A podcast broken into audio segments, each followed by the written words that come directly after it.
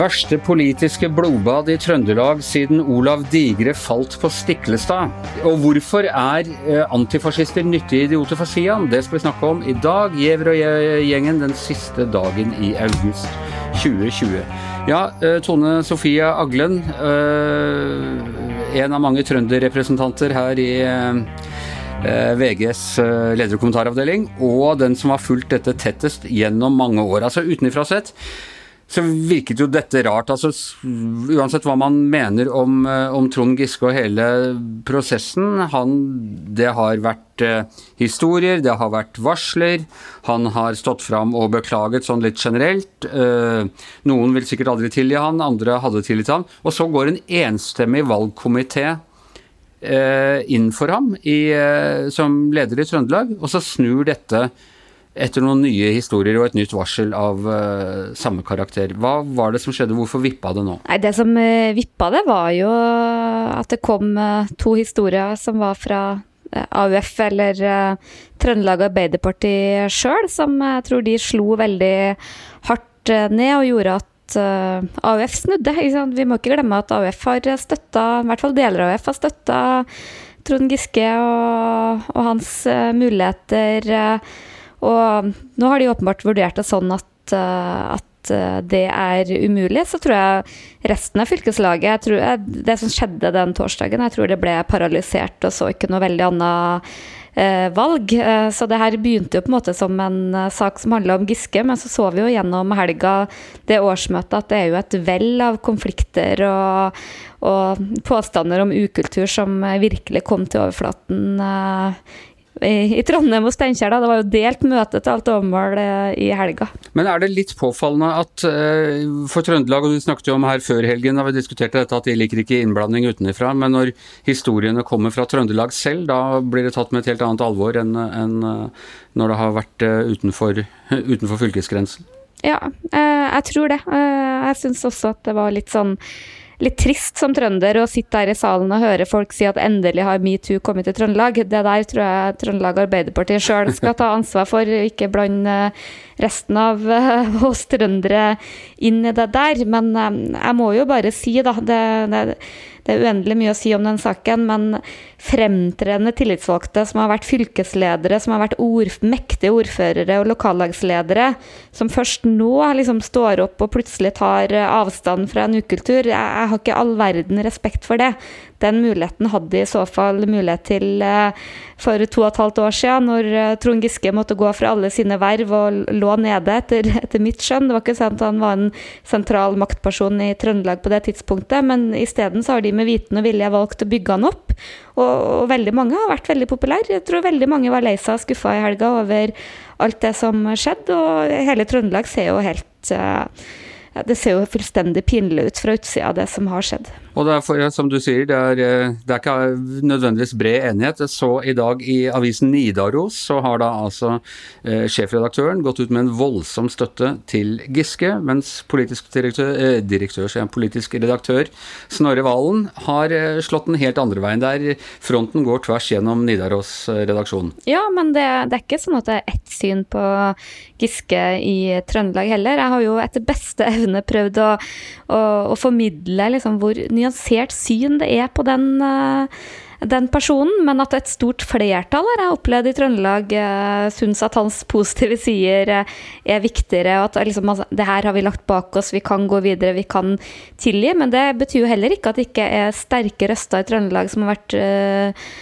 dypt opprørt over det som har skjedd. Og jeg må jo bare si, for, for eget vedkommende som har dekka denne saken veldig tett, så syns jeg at det har vært særdeles belastende å, å, å skrive om, eh, om Trond Giske, for det er så enormt sterke følelser at liksom i det øyeblikket du skriver noe positivt om han, så får du på en måte Giske-venn, bryr deg ikke om metoo, tråkker på varslerne, tar ikke seksuell trakassering på alvor.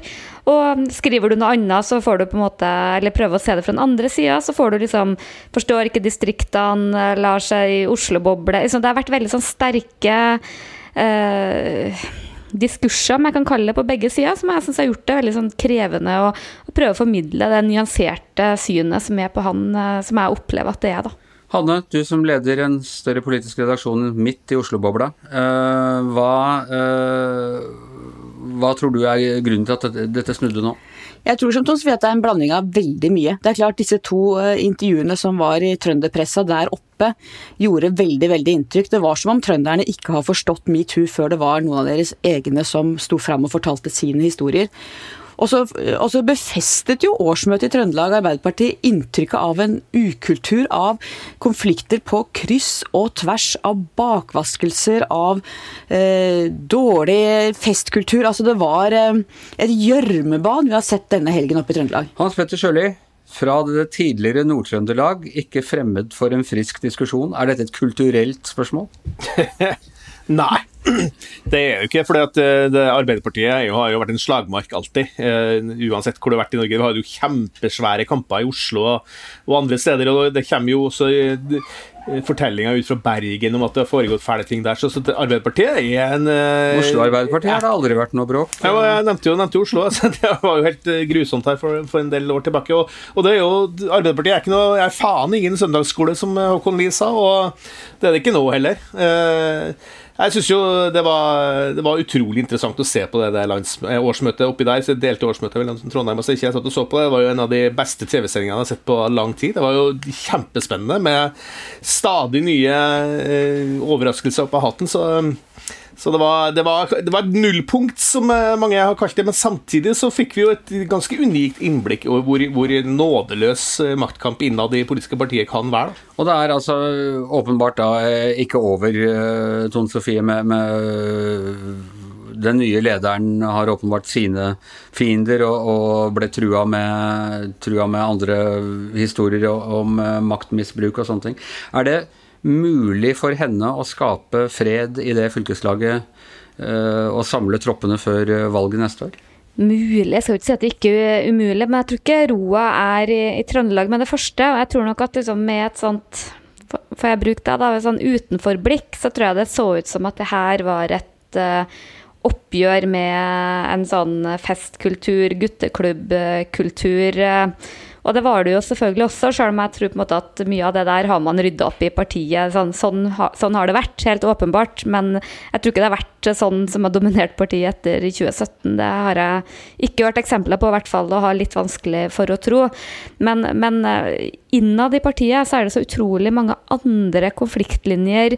Bare det vi så mellom valgkomiteens leder Arild Grande og, og nå nyvalgt uh, fylkesleder Ingvild Kjerkol. De to har jo sittet side om side på Stortinget. Som tilsynelatende de to nærmeste fra Nord-Trøndelagsbenken uh, hos Arbeiderpartiet. Og, og, og, nå fikk vi jo på en måte virkelig opp i dagen at det åpenbart er en sterk konflikt mellom de to, som jeg tror uh, mange er spent på hva all verden ligger bak det der.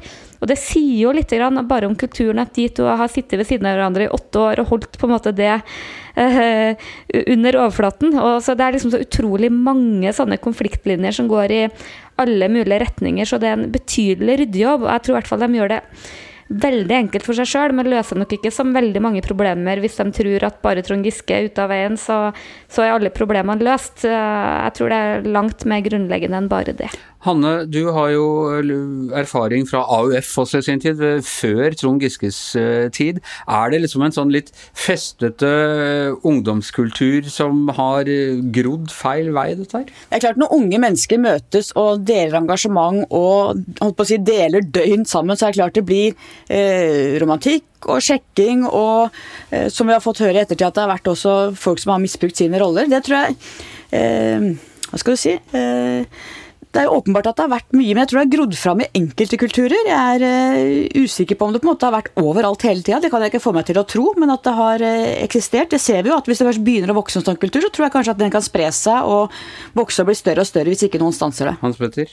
Ja, altså, det, uh, det, er jo sånn at Grande og Kjerkol, da, som er de to som har blitt avslørt av uvenner, de er jo begge fra Nord-Trøndelag også, sant? så det viser jo at det her foregår på veldig på lokalt nivå i Arbeiderpartiet, de motsetningene. Men det er jo det er jo fascinerende altså Vi må jo ikke glemme at Trøndelag Arbeiderparti har nå fått en ny leder som, som, eh, som er ganske sterk. da, Som er, som er en leder som, eh, er blant Arbeiderpartiets mest synlige og profilerte politikere for tida. Og, og det kan jo også, sånn, Hvis du ser litt fremover i tid, så kan jo det bety at, at Ingvild Kjerkol da, er, er, en som er i kraft av å være leder i det største fylkespartiet og en veldig profilert helsepolitiker nå, er, er en som kan, kan posisjonere seg godt da den dagen Jonas Gahr Støre eh, må tre av som leder. Fordi eh, du kan si at eh, når Giske er borte, så, og de har jo satsa nesten alt på én hest oppe i Trøndelag, og Giske ble borte, og da er jo ganske naturlig at til slutt at den skal vi si, mest, nest mest kjente politikeren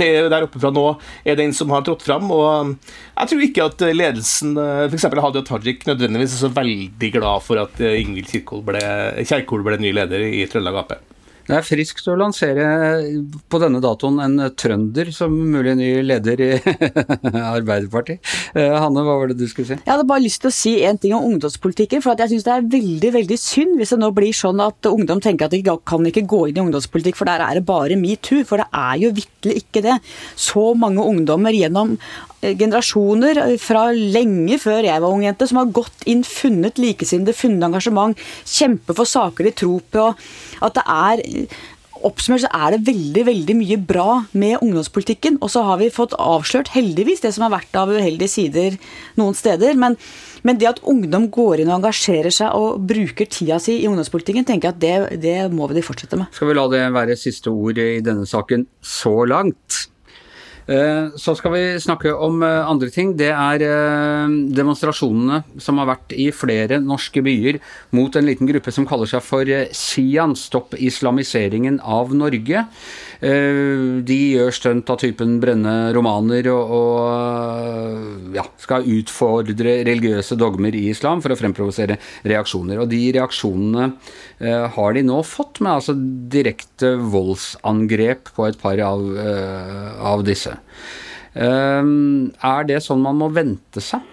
I uh, dagens klima? Eller uh, har det ikke alltid egentlig vært sånn at, uh, at hvis ytre høyre demonstrerer, så, så, er det ganske kraftige fysiske reaksjoner? Ja, ja, det har, det har, jo for så vidt. Altså, det var jo, fra slutten av 70-tallet så var det jo sterke sånne slag mellom eh, AKP, ML og, og Norsk Front og sånt. ikke sant? Og gjennom hele 80-tallet så hadde jo Blitz, som alltid var ute og og slåss i gatene med høyreekstreme. Og du hadde folk som da rett og slett bare banka nynazister og bare fortalte dem at her i byen skal det ikke sånt forekomme. Så det er jo en, vi har en viss tradisjon for det her i Norge, for å si det sånn.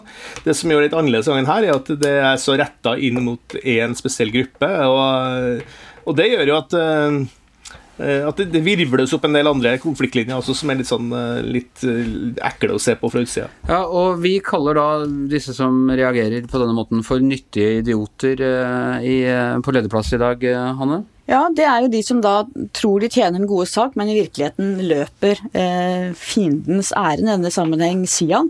Det er klart at eh, de gir dem enormt oppmerksomhet, og når de angriper politiet, lager vold og får motreaksjon, så styrker jo de faktisk Sian. Husk på at Sian har holdt på i mange, mange år og vært liksom åtte-ti stykker som står på et gatehjørne Eh, har ikke fått noe særlig oppmerksomhet. De er en litt stakkarslig gjeng, mens nå får de jo masse oppmerksomhet. Og det, jeg kanskje synes er aller mest alvorlige, er at en del av disse folka på den andre siden har en egeninteresse i også å angripe politiet og undergrave tilliten til politiet, og putter det inn i en sånn amerikansk ramme hvor liksom politiet blir fienden. Men norsk politi er altså ikke som amerikansk politi, og dette er ikke Amerika, dette er Norge. Men dette med at Sian ikke har fått noe oppmerksomhet, det er jo ikke helt riktig. Jeg vil si at de har fått veldig mye oppmerksomhet til å være en såpass uh, liten uh, organisasjon. og Det har vært rettssaker og det har vært greier, og de øh, kaller på store store ressurser for å få holde disse her, til tider temmelig, i beste fall infantile eh, markeringene sine. Koster samfunnet enorme midler at de skal få lov til å brenne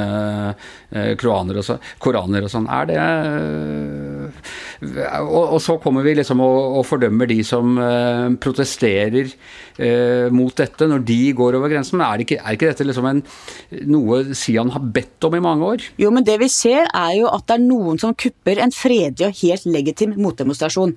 Åpenbart er det legitimt og også på mange måter bra at noen sier, motdemonstrerer og sier at dette finner vi oss ikke i, og viser at de er mot det Sian står for. Men så er det jo noen elementer som vi ofte ser i den type demonstrasjoner, som ønsker å lage bråk, som angreper politiet, som gjør det voldelig, og som også undergraver da saken de som faktisk står der og demonstrerer mot budskapet med fredelige midler. Bør islamister få lov til å brenne kors foran Stortinget f.eks.? Bør politiet beskytte deres uh, rett til å gjøre det? I prinsippet så er det jo ytringsfrihet i Norge, og jeg syns politiet og Benedicte Bjørnar, politidirektøren, har vært forbilledlig når de sier at vår jobb er å beskytte ytringsfriheten, demonstrasjonsfriheten, til alle parter.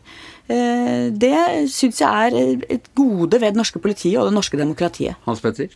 Ja, ytringsrett skal gjelde, det er det ikke noe tvil om. Eh, jeg selv mener jeg at det der Sian er noen av de mest erkeharry drittorganisasjonene som finnes i Norge. Det er uh, all mulig grunn til å forstå at folk blir fly forbanna på dem også, men det er da, som Hanne sier, de her har holdt på da i tolv år det det, og, og kjempa og kjempa for å få mer og mer oppmerksomhet. Og nå de, har de the time of their lives. Nå har de virkelig satt seg sjøl på dagsordenen og, og får spre det der eh, budskapet sitt da, på en helt annen måte enn jeg har klart før. Jeg husker jeg gikk forbi Stortinget for, sammen med familien min da, for et års tid siden. Så sto en sånn Sian-fyr og snakka i en dårlig mikrofon nede på Karl Johan der, foran eh, Stortinget. Det var ingen der, og folk bare gikk helt likegyldig forbi. Så det er klart at det er en sånn eh, det er en fare da, for at en egentlig en ganske sånn legitim motreaksjon bidrar til bare å øke en øke si, konfliktnivået som, som, egentlig ikke trenger å være der. da. Samtidig, er, samtidig, må vi understreke at det her, som jeg sa i starten, altså, Sian er de har bånd til veldig uh, høyreekstreme miljøer i flere land. Så de skal ikke, bare, de skal ikke kimse av det miljøet her heller. altså Det skal vi overhodet ikke gjøre. Og det var jo ikke noen som kuppa demonstrasjonen helt heller. Det var jo det som skjedde etter demonstrasjonen som var virkelig uh, problematisk her, da. Og som historiker, og dette er jeg sikker på du er enig så var det vel de som mente at man skulle tie i hjel de der eh, bråkmakerne i ølhallene i München også i sin tid. Det kan du si. Men når du så på den gjengen som sto der foran deg med hva heter han, den gamle læreren Max Hermansen, eh, noen av de andre sliterne i det Sian-miljøet, så det er ikke akkurat den mest potente skal vi si, høyreekstremismen vi har sett heller. Det, det er en ganske, som Hanne sa, litt sånn stakkarslig gjeng, det er det ikke noen tvil om. Men, men er, De har forbindelser til andre land. De, du ser på han Paludan i Danmark, sant, som er, har vært en inspirasjonskilde for den nye skal si, omdreininga i Sian sin aktivitet. da. Eh, får, får opp, oppmerksomhet og får, får, også oppslutning ved valg. så det, vi, vi, må ikke ende der at vi bare kjefter på de som på en måte eh, demonstrerer mot dem. Altså, vi må, må holde et veldig, ganske sånn klart blikk på at det her er en potensielt også en, en farlig kultur, da, det, det de står for. Det er klart Når folk angriper politiet, og når vi har sett andre også politiet rapportere om at de har eh, dårlig, manglende tillit i mange miljøer, eh, de har ikke samme respekten som før, at det er miljøer som har interesser av å undergrave tilliten til politiet. Norge har jo et veldig godt politi. Det er jo en tilleggsdimensjon her som jeg syns er problematisk. Helt enig. og det, bare for å si det, vi så intervjuene på, på, foran Stortinget i går, så så du på han der innsatslederen og sånn de, de understreka hele tida de spilte en helt defensiv rolle. Det var til og med Lars Gule sa at han mente at politiet var litt, faktisk litt for beherska i visse situasjoner. Så at det norske politiet er bra, altså. Det er bra dere ikke tar til orde for å defunde police her. Eh, Tone Sofie, nå er, går det heftig for seg i norsk politikk, både sånn uh, på gata uh, som her, og i, uh, i fylkesårsmøtene.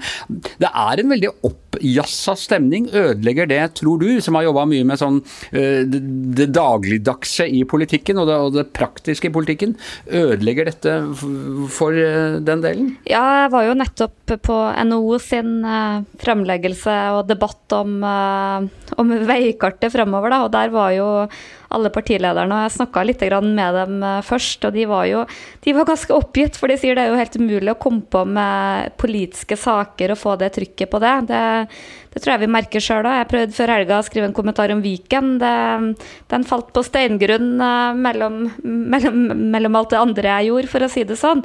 Og det andre er jo at eh, jeg er jo litt veldig opptatt av den derre grunnleggende respekten i politikken for hverandre, for hverandres meninger og sånne ting. Og jeg, så jeg er litt sånn bekymra for det. Ja.